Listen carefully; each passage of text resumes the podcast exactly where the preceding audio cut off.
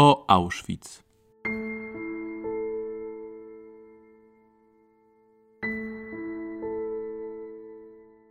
Historia obozu Auschwitz jest niezwykle złożona. Łączył on dwie funkcje: obozu koncentracyjnego i ośrodka zagłady w komorach gazowych. Nazistowskie Niemcy prześladowały w nim różne grupy ludzi, a kompleks obozowy nieustannie rozbudowywał się i przekształcał. W podcaście o Auschwitz mówimy o szczegółach historii obozu oraz o naszej współczesnej pamięci o tym szczególnym miejscu.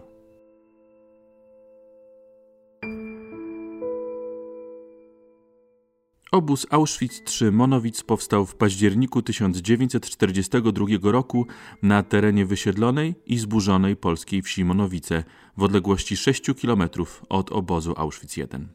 Działo się to w związku z budową przez niemiecki koncern IG Farben Industrie zakładu produkcji syntetycznego kauczuku i paliw Bunawerke. O historii trzeciej części kompleksu Auschwitz opowiada dr Piotr Sytkiewicz, kierownik Centrum Badań Miejsca Pamięci. Skąd decyzja o budowie fabryki kauczuku syntetycznego i benzyny w Oświęcimiu?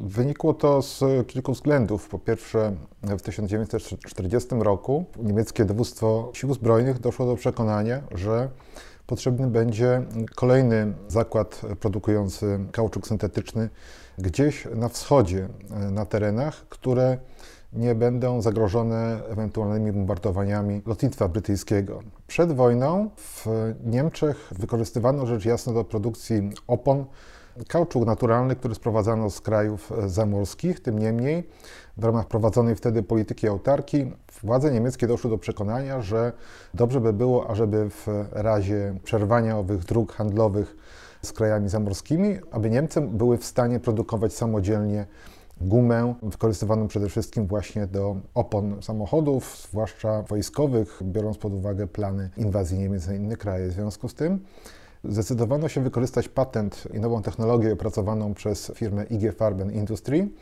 która pozwalała na wytwarzanie kauczuku w sposób syntetyczny z węgla kamiennego.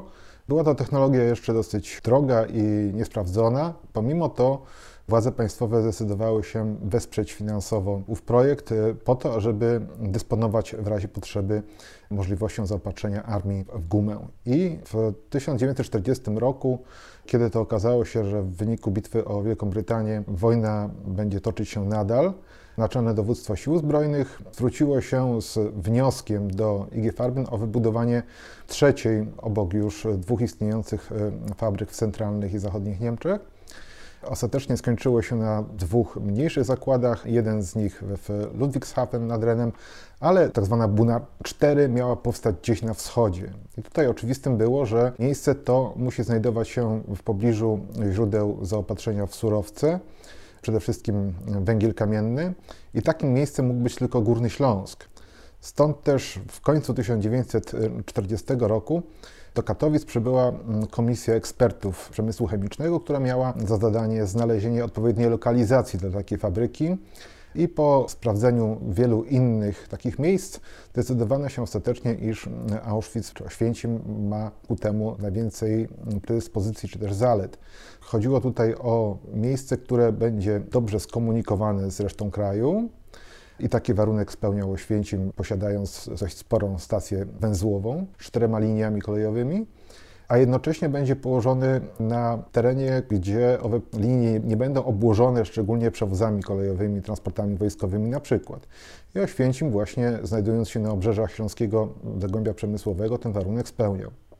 Drugi to taki, e, iż chodziło tutaj o miejsce, które byłoby relatywnie płaskie, niezalesione, tutaj odpadały koszty wycinki drzew i Poza tym miało się one znajdować w pobliżu źródeł wody. I tutaj również w pobliżu Oświęcimia przepływała rzeka Wisła, która mogła posłużyć jako źródło wody do chłodzenia różnych instalacji chemicznych a jednocześnie miejsce to znajdowało się na płaskowyżu, który zabezpieczał teren fabryki przed ewentualnymi skutkami powodzi. Także właściwie bardzo wiele czynników naturalnych sprzyjało podjęciu tej decyzji o budowie fabryki IG Farben w Oświęcimiu. A czy wybór Oświęcimia na lokalizację fabryki miał związek z obozem Auschwitz? Początkowo nie. W literaturze bardzo często wspomina się o tym, że ten czynnik miał tutaj decydujące znaczenie. Ja uważam, że rzecz jasna nie można było zbudować fabryki chemicznej gdziekolwiek na jakimś pustkowiu, tylko z tego względu, że znajdowałaby się tam siła robocza. Znaczenie miało przede wszystkim dostępność surowców, wody, linii komunikacyjnych itd. Natomiast okazało się, że obecność obozu koncentracyjnego stała się w przyszłości czynnikiem wielce sprzyjającym dla powstania i rozbudowy fabryki. Bo otóż okazało się, że co prawda w Oświęcimiu znajdowała się pewna liczba osób, które mogły być brane pod uwagę jako robotnicy budowlani, ale ludzi tych było zbyt niewielu, zarówno w mieście, jak i w okolicznych wsiach. Bardzo wielu Polaków wcześniej padło ofiarą wywózek na roboty przymusowe do Niemiec a pozostali gdzieś byli już zatrudnieni, na przykład chłopi uprawiali swoje gospodarstwa. W związku z tym powstał problem niedoboru siły roboczej, a ponieważ miała być to od początku fabryka bardzo duża, więc potrzebowała bardzo wielu robotników i nie miała załogi, którą można by było jedynie uzupełnić robotnikami miejscowymi. W związku z tym prawdopodobnie miejscowy urząd pracy zwrócił uwagę wysłanników IG Farben na fakt istnienia w pobliżu obozu koncentracyjnego, które mógłby służyć jako źródło siły roboczej. I takie negocjacje zostały wszczęte w lutym 1941 roku spotykając się od razu z bardzo pozytywnym odzewem ze strony władz SS. I tutaj nawet nie chodzi o komendanta obozu Rudolfa Hessa, ale wyższych urzędników SS z Berlina, włącznie z samym Reichsführerem Himmlerem bo przedstawione wówczas propozycje współpracy wydawały się obu stronom bardzo korzystne. Przede wszystkim IG Farben, ponieważ miała ona otrzymać robotników do pracy. Pierwszej, zwłaszcza w fazie budowy takiej fabryki, potrzebnych było bardzo wielu, wiele tysięcy robotników, którzy mogliby wykonywać bardzo proste prace w rodzaju na przykład kopania fundamentów czy budowy dróg. Stawki proponowane za wynajem więźniów były bardzo dla przedstawicieli IG Farben atrakcyjne. To mniej więcej połowa pensji wypłacanych robotnikom czy pomocnikom budowlanym, robotnikom cywilnym na tym terenie. To raz. Dwa, rzecz jasna, więźniowie byli stale do dyspozycji. Nie było problemu z udzielaniem urlopów wreszcie już byli na miejscu, to znaczy mieszkali w obozie koncentracyjnym i w związku z tym fabryka nie musiałaby budować dla nich kwater, czy to w formie na przykład baraków, czy jakichś obozów w pobliżu placu budowy. Wreszcie IG Farben byłaby w razie zatrudnienia robotników cywilnych zobligowana przepisami prawa pracy do wyłożenia pewnych kwot, na przykład na działalność socjalną, kulturalną itd. Tak Także z punktu widzenia IG Farben były to bardzo znaczące korzyści ale również obóz koncentracyjny, czy też SS, mogło spodziewać się znaczących zysków, ponieważ po pierwsze, zysk byłby propagandowy. W tym sensie, że Himmler mógł od tej pory twierdzić, że obozy koncentracyjne nie służą tylko izolacji wrogów Rzeszy, ale też więźniowie produktywnie pracują na rzecz rozwoju niemieckiej gospodarki zbrojeniowej. Po drugie, Himmler doszedł też do przekonania, że tak wielka fabryka która miała powstać w pobliżu obozu, będzie wymagała wielkiej liczby nisko przetworzonych artykułów, towarów, które można będzie sprzedać po prostu IG Farben i które mogłyby być wytwarzane przez warsztaty obozowe. Pomysł polegał na tym, że takie duże warsztaty zarządzane przez firmę DAF, niemieckie zakłady wyposażenia, która należała do SS, powstaną w pobliżu obozu, tam będą pracowali więźniowie i będą produkować takie przedmioty jak meble, skrzynki, elementy baraków drewnianych, czy też jakieś betoniarni, y, słupy ogrodzeniowe, które na pewno będą potrzebne dla IG Farben i jeżeli ceny będą umiarkowane, to firma zgodzi się takie artykuły kupować od obozu. Wreszcie, co chyba było dla SS najważniejsze, przy rozbudowie Auschwitz komendant Hess natrafił na podstawowy problem braku materiałów budowlanych ponieważ SS, jak wydawało się, organizacja niezwykle potężna i wpływowa, nawet ona musiała przestrzegać pewnych przepisów gospodarczych, które dotyczyły ścisłej reglamentacji takich materiałów budowlanych jak cegły, cement, drewno czy stal zbrojeniowa. W związku z tym IG Farben, posiadając odpowiednie koneksje oraz sama bardzo znaczące przedziały tychże materiałów budowlanych, mogła zgodzić się przekazać te materiały budowlane na rzecz SS dla rozbudowy obozu. I tutaj e, korzyść byłaby obustronna. To znaczy, z jednej strony, dzięki zbudowaniu nowych bloków, nowych baraków, można było sprowadzić do pracy więcej więźniów, z których część przynajmniej mogła być wykorzystana do budowy fabryki. Także to były podstawowe przesłanki, które wpłynęły na rozwój współpracy pomiędzy SS a IG Farben, z czego początkowo obie strony wydawały się być niezwykle zadowolone. Poza tym IG Farben zyskało też kilka dodatkowych korzyści w postaci na przykład pomocy Himmlera przy wysiedleniu miejscowych Polaków, bo miejsce, które zostało wybrane na budowę fabryki, rzecz jasna należało w grunt do miejscowych polskich rolników. W związku z tym wystarczyła jedynie prosta administracyjna decyzja i tereny te zostały skonfiskowane przez państwo niemieckie, po czym zostały sprzedane lub wydzierżawione IG Farben za nieduże pieniądze. I wreszcie samo miasto Oświęcim, w którym zamieszkiwali zarówno Polacy i Żydzi, mogło stać się sposobem na rozwiązanie innego istotnego problemu z punktu widzenia IG Farben. To znaczy, jeśli miejscowi Polacy oraz więźniowie obozu koncentracyjnego mogliby zostać wykorzystani do prostych prac budowlanych, to jednak wzniesienie takiej fabryki wymagało licznego grona specjalistów, inżynierów, techników, majstrów. I specjaliści ci mieli zostać przeniesieni do Oświęcimia z Niemiec, z innych fabryk IG Farben ludzi tych należało gdzieś zakwaterować. I tutaj znowu z pomocą IG Farben przyszedł e, Himmler, nakazując wysiedlenie z Oświęcimia wszystkich Żydów.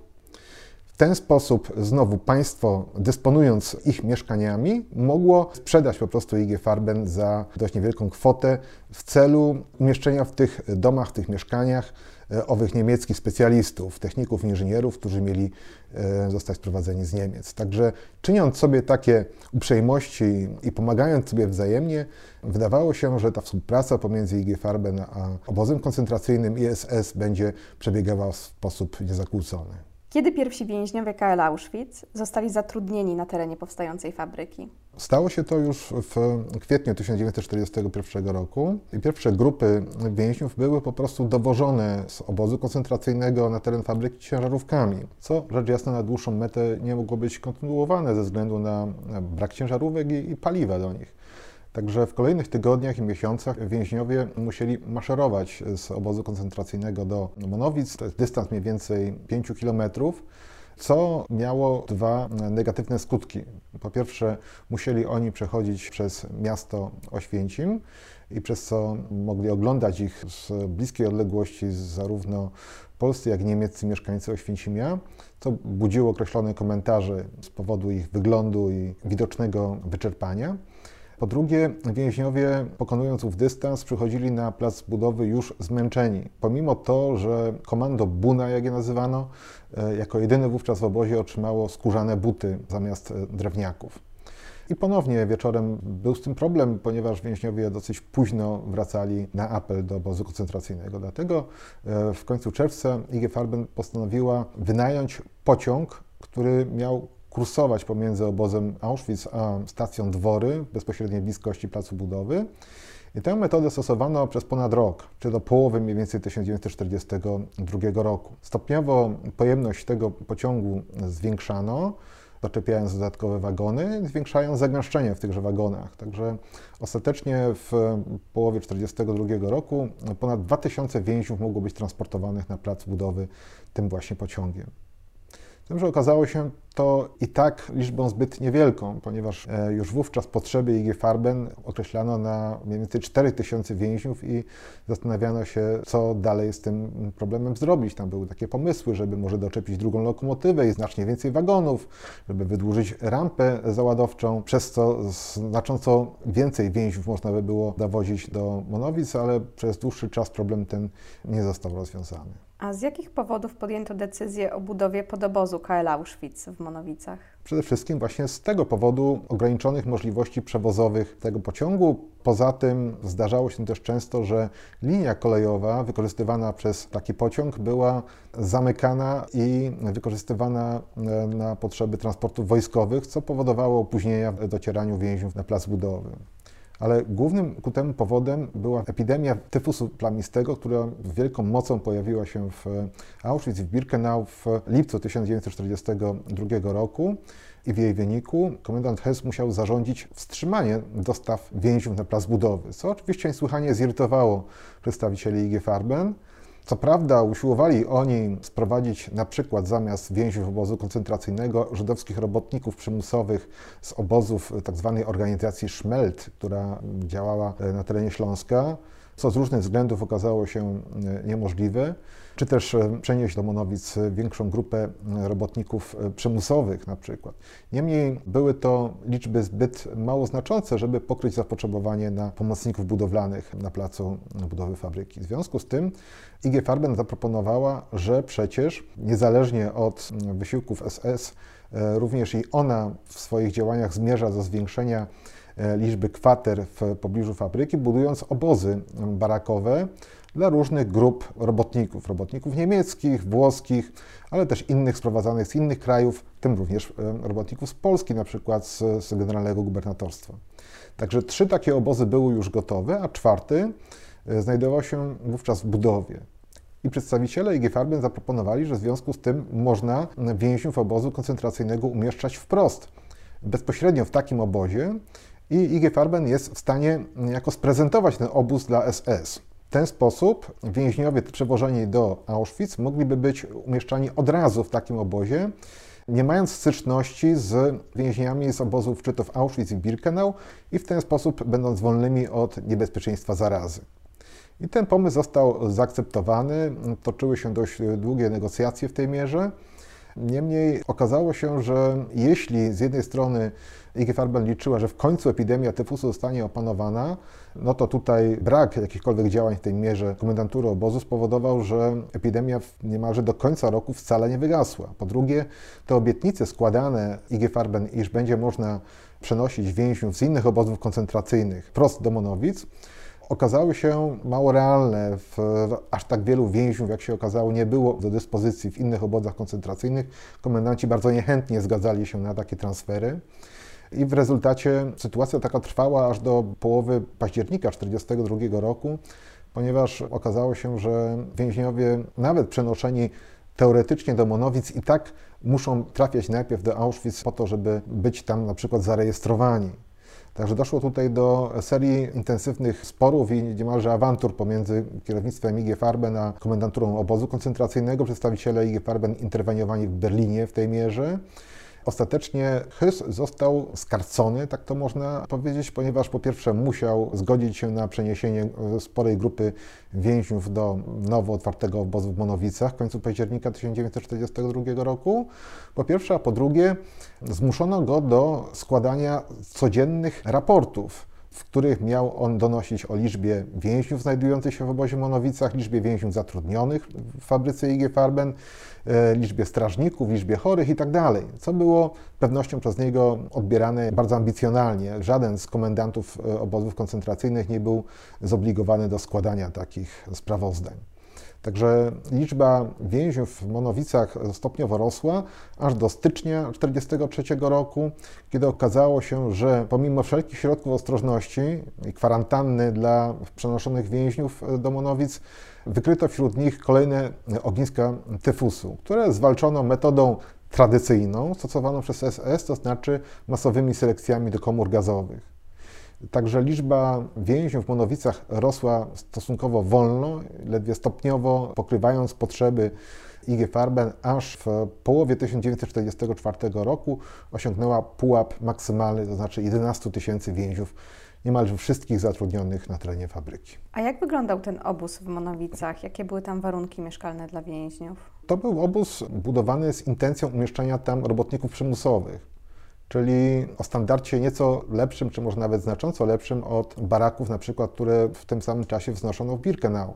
Baraki w Monowicach były nieco mniejsze, e, miały okna przede wszystkim i co chyba najważniejsze, posiadały instalację centralnego ogrzewania poprzez parę dostarczaną tam rurami do baraków z siłowni zakładowej co miało o tyle istotne znaczenie, że na przykład więźniowie pracujący w czasie deszczu mogli po powrocie do obozu wysuszyć swoje mokre ubranie, umieszczając je gdzieś tam na rurach czy jakichś grzejnikach, które w tych barakach były.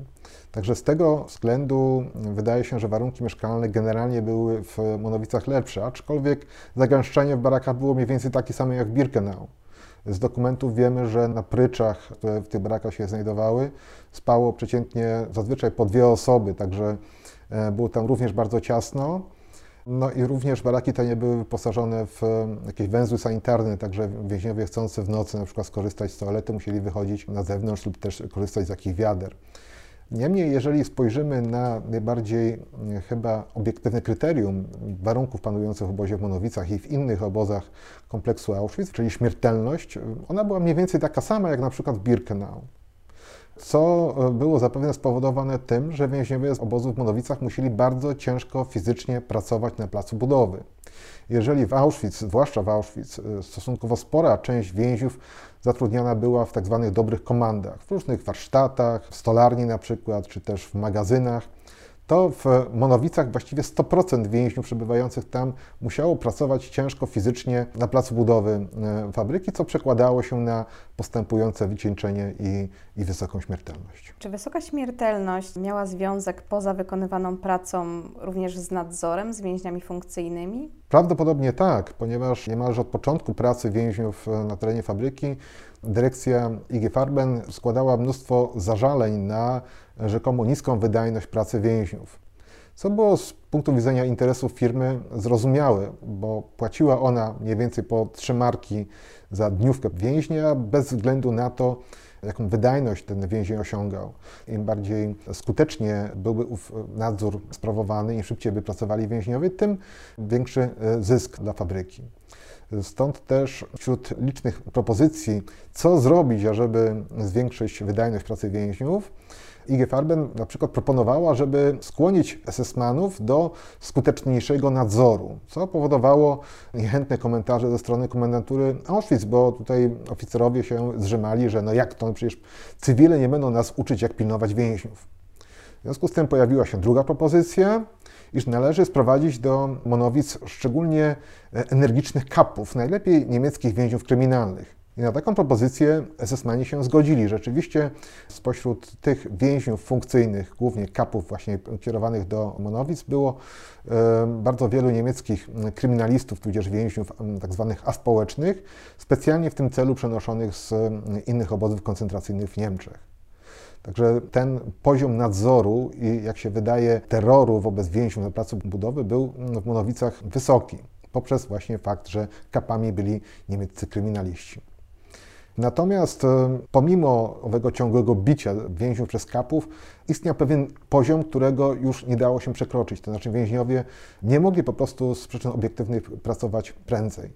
Także IG Farben w toku różnego rodzaju narad i konferencji, spotkań z oficerami z SS, z obozu koncentracyjnego, przedstawiała cały szereg propozycji, jak sobie z tym problemem radzić. Na przykład pomysł Frauen fressen Freiheit, czyli kobiety, żarcie i wolność. Więc tutaj panowie z IG Farben proponowali, żeby w nadzwyczaj chętnie do pracy więźniowie e, uzyskali możliwość wizyt w domu publicznym, który powinien gdzieś w Auschwitz powstać. I ta idea została zaaprobowana. Znaczy SS-mani doszli do wniosku, że to jest świetny pomysł. I taki dom publiczny powstał najpierw w obozie koncentracyjnym w Auschwitz i mm, później w jego jako podobozie w Monowicach, e, co rzecz jasna miało niewielki wpływ na wzrost wydajności pracy więźniów, bo do tego rodzaju instytucji wstęp mieli zazwyczaj kapowie i ich znajomi. Druga z propozycji to więcej żywności dla więźniów. Tutaj znowu okazało się, że nie można pozyskać więcej żywności, obóz był ku temu niechętny. Także mm, z jednej strony IG Farben zgodziła się wydawać więźniom dodatkowe porcje zupy, tak zwanej buna zupę na obiad w południe, z tym, że znowu z powodu pewnych ograniczeń i pewnie niechęci do wydatkowania jakichś większych sum jakość tej zupy była no mniej więcej taka sama, czy porównywalna jak jakość zupy obozowej, czyli był to praktycznie wywar z brukwi. Pojawił się też pomysł, żeby tym więźniom, którzy osiągają najniższą wydajność, odbierać część żywności i obdarzać nią tych z kolei, którzy pracują najbardziej wydajnie. Ale też okazało się to w praktyce trudne, czy niemalże niemożliwe do wykonania, ponieważ odebranie słabszym więźniom część y, z ich głodowych porcji powodowałoby y, pewnie to, że natychmiast by zupełnie stracili siły do pracy. A pomysł, żeby zwalniać z obozu najbardziej wydajnych więźniów, oczywiście został z przyczyn ideologicznych odrzucony przez SS. Także te próby zwiększenia wydajności pracy więźniów trwały dość długo, aczkolwiek, jak się wydaje, wydajność pracy na terenie fabryki więźniów była wysoka. Z tego prostego powodu, że jeśli więzień pracował pod groźbą kija, to rzeczywiście starał się wytężyć maksymalnie siły po to, żeby nie zostać pobitym. I tutaj te wszystkie szacunki przedstawiane przez ludzi z IG Farben, rzekomo mające dowodzić tego, że wydajność pracy więźniów jest jakoś nadzwyczaj niska, są moim zdaniem, jest to jakoś tam potwierdzane w dokumentach, są niewiarygodne. Jak wyglądała struktura organizacyjna i system nadzorowania więźniów przez SS w obozie Auschwitz-Trzymanowic? Była ona e, w pewnej mierze podobna, tak jak w Auschwitz czy w Birkenau, czyli początkowo do pracy z podobozów w Monowicach wychodziło jedno wielkie tak zwane komando zbiorcze, Zamel Komando, liczące kilka tysięcy osób. I dopiero na placu budowy było dzielone na mniejsze komanda, które wysyłano do pracy na, na poszczególne stanowiska. Były one nadzorowane przez oddzielnych strażników czy też grupy strażników.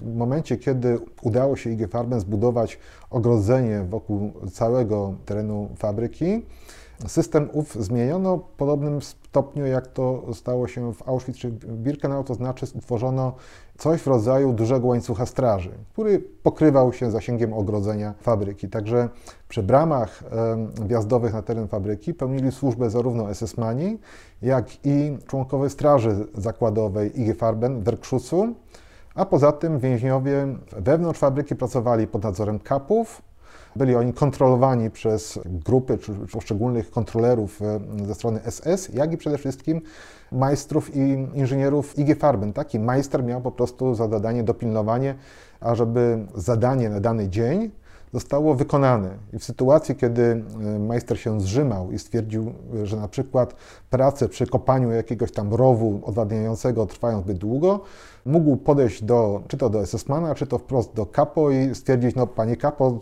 tutaj trzeba coś zrobić, żeby tą pracę skończyć na dzisiaj, także Kapo wtedy sięgał po kij i tłukł i bił niemiłosiernie więźniów, zmuszając ich do większego wysiłku. Jak wyglądały kontakty więźniów z robotnikami cywilnymi? Teoretycznie takie kontakty były zabronione.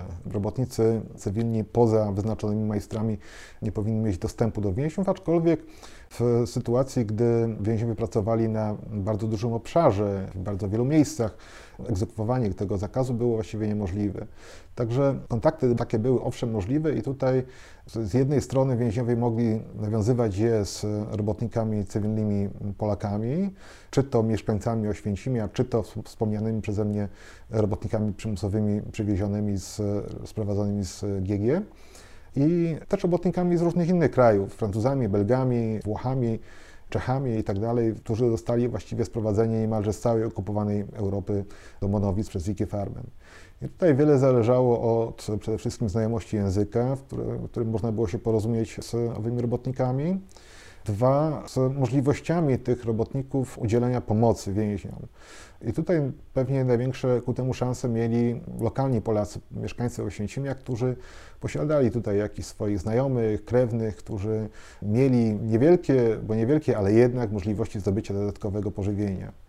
E, więc takie pożywienie można było po prostu przenieść na teren fabryki w formie, nie wiem, kilku dodatkowych kromek chleba pod pozorem na przykład zabierania ze sobą drugiego śniadania. Podobnie, aczkolwiek mniejsze takie możliwości mieli inni robotnicy, którzy, jak wynika z relacji, często zachowywali się bardzo różnie. To znaczy, niektórzy z nich, owszem, dzielili się miłosiernie owym chlebem, owym drugim śniadaniem z więźniami, a niektórzy nie, bo trzeba pamiętać, że generalnie to robotnicy cywilni też byli niedożywieni. Oni otrzymywali mniejsze przydziały kartkowe i ciężko pracując, musieli też pamiętać, że mają na utrzymaniu rodziny. Więc tutaj nie było na rynku w e, Oświęcimiu i w okolicy jakiejś nadwyżki żywności, chleba zwłaszcza, którą można by było nabyć i, i swobodnie nim dysponować. Byli też oczywiście Niemcy, którzy zachowywali się bardzo różnie. Byli tacy, którzy, zwłaszcza majstrowie, którzy zirytowani tempem prac niejako wyręczali kapów i sami bili i tłukli więźniów e, własnoręcznie. Ale byli też tacy, którzy spoglądali na więźniów z pewną dozą współczucia i wreszcie była no, bardzo niewielka, co prawda, ale jednak grupa niemieckich robotników e, z pewnej firmy, która była e, podwykonawcą na placu budowy, firmy Schulze, którzy to udali się do głównego inżyniera Maksymiliana Fausta e, z protestem, twierdząc, że oni nie chcą więcej oglądać bicia i zabijania więźniów na placu budowy. Co nieco skonfundowało pana inżyniera, który zwrócił się z taką prośbą do komendanta obozu w Monowicach, że, żeby jeśli koniecznie SS-mani chcą zabijać jakichś, jakichś więźniów, to lepiej, żeby to robili wewnątrz obozu, razie nie na oczach niemieckich robotników.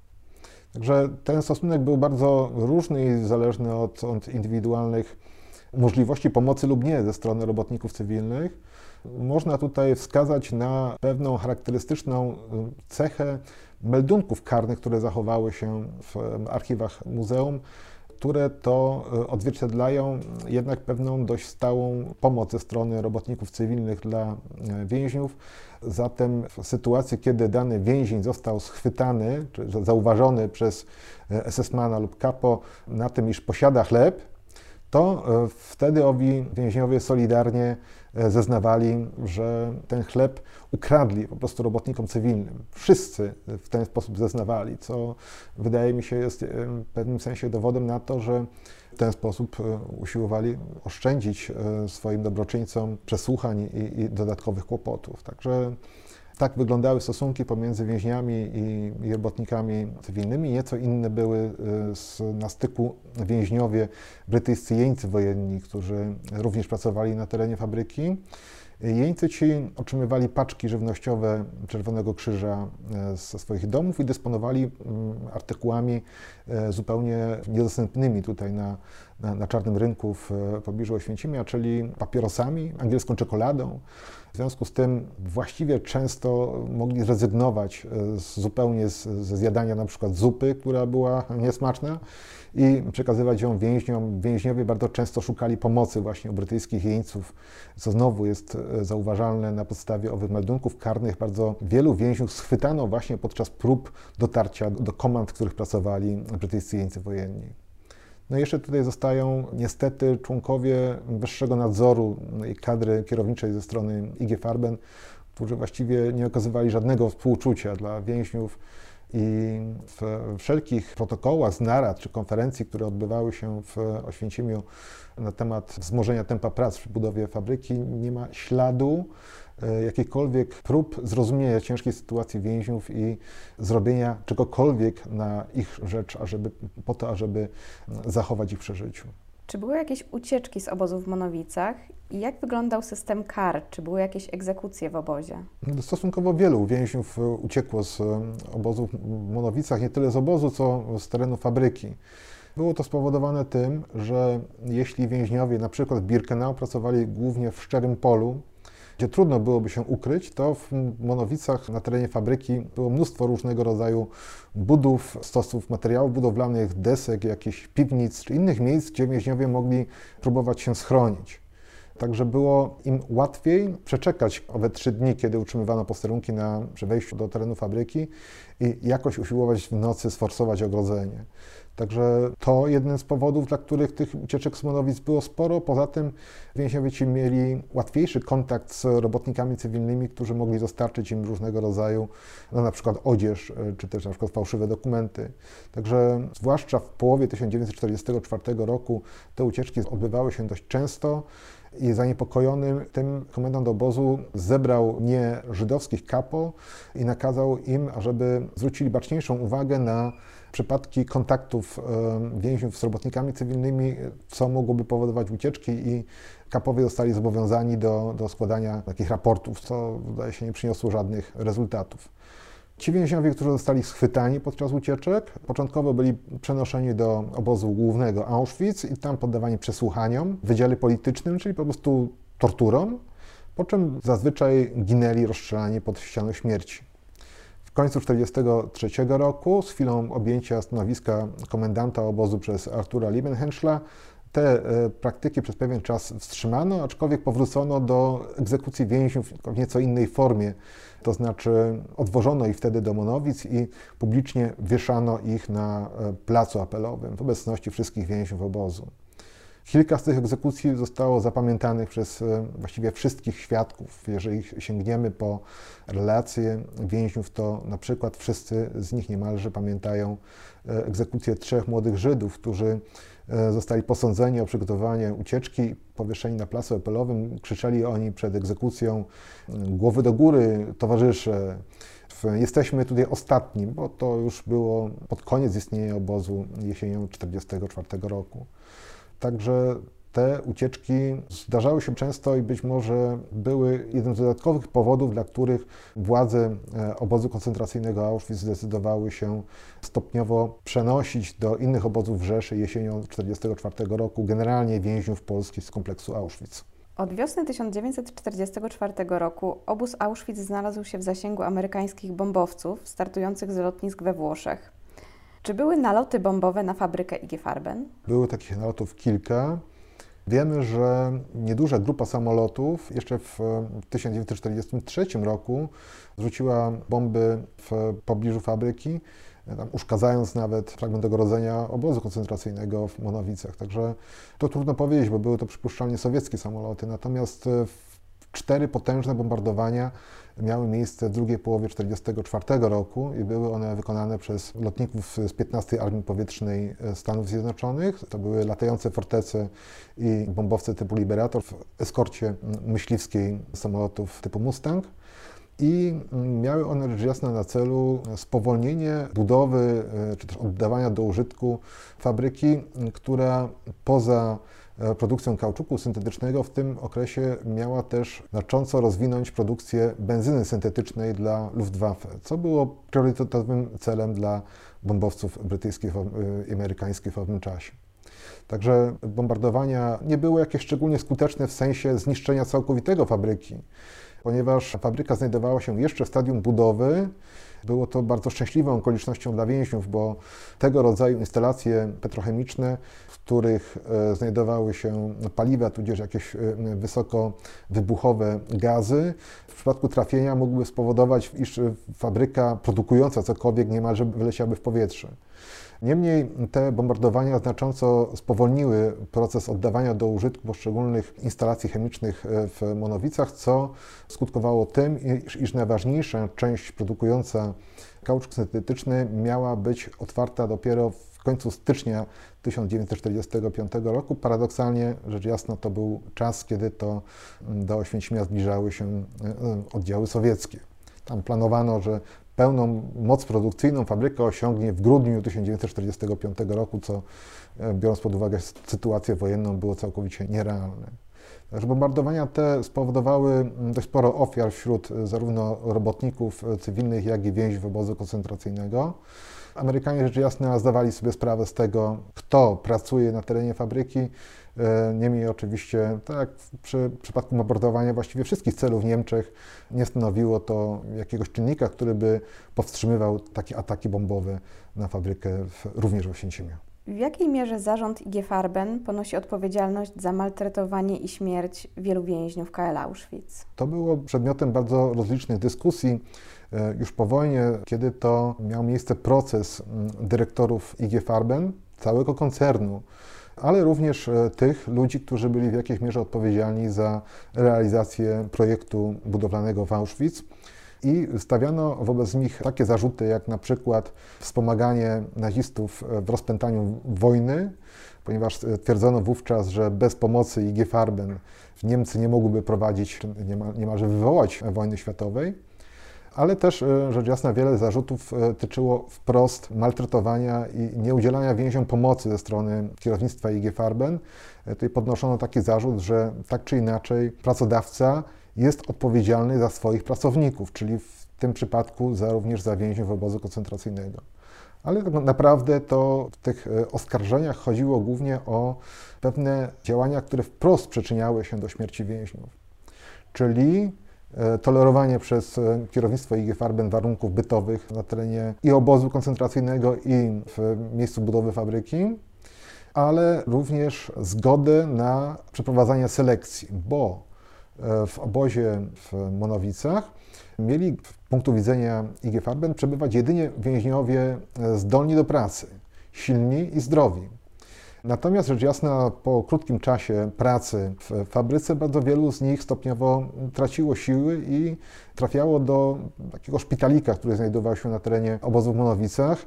Ich liczba rosła, no i rzecz jasna, panowie z IG Farben zaczęli się irytować, że tutaj nie po to wydali sporą kwotę na budowę takiego obozu, żeby przekształcić go w jakiś większy szpital czy ośrodek dla rekonwalescentów. W związku z tym e, doszło do serii spotkań z przedstawicielami VHA z Berlina, e, głównie z Gerhardem Maurerem, który zgodził się i obiecał, iż e, wszyscy więźniowie, którzy utracą zdolność do pracy z obozu w Monowicach, będą przenoszeni do innych części obozu Auschwitz, czyli przede wszystkim do Birkenau i natychmiast zastępowani nowymi więźniami zdrowymi i zdolnymi do pracy. I tutaj, znając realia Auschwitz, z pewnością dyrekcja fabryki rozumiała, co oznacza przeniesienie tych chorych więźniów z Monowic do obozów Birkenau, czyli ich śmierć. Także te zarzuty dość mocno wybrzmiały na procesie przed amerykańskim Trybunałem Wojskowym i powodowały pewnie to, że e, wszyscy ci dyrektorzy IG Farben, którzy mieli coś wspólnego z funkcjonowaniem fabryki w Auschwitz, otrzymali najwyższe wyroki. Aczkolwiek porównując je z wymiarem kary dla, dla innych zbrodniarzy, którzy stawali przed sądami w Norymberdze, nie było one jakieś szczególnie wysokie, to znaczy maksymalnie do 8 lat więzienia.